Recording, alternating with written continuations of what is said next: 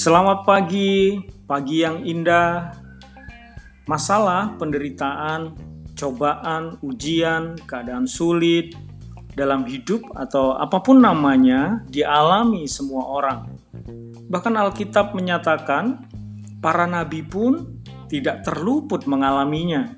Dan kita dapat belajar dari keteladanan para nabi yang sabar menghadapi penderitaan dan bertekun di dalamnya penderitaan itu sementara atau seketika saja lamanya.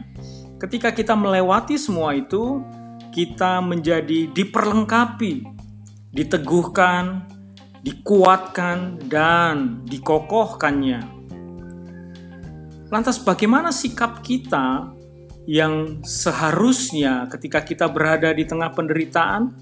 Sikap kita dalam penderitaan dan keadaan sulit itu sebaiknya menjadi sabar, dan kepada kesabaran menambahkan ketekunan di dalamnya.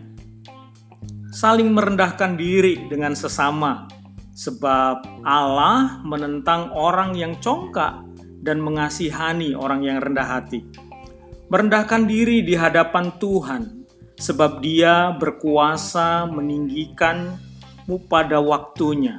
Yes, Dia berkuasa meninggikanmu pada waktunya, dan Tentu saja, ini bagian paling penting, menyerahkan segala kekhawatiran yang ada kepadanya yang memelihara hidupmu.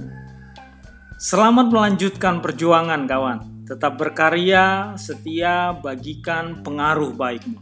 God bless you.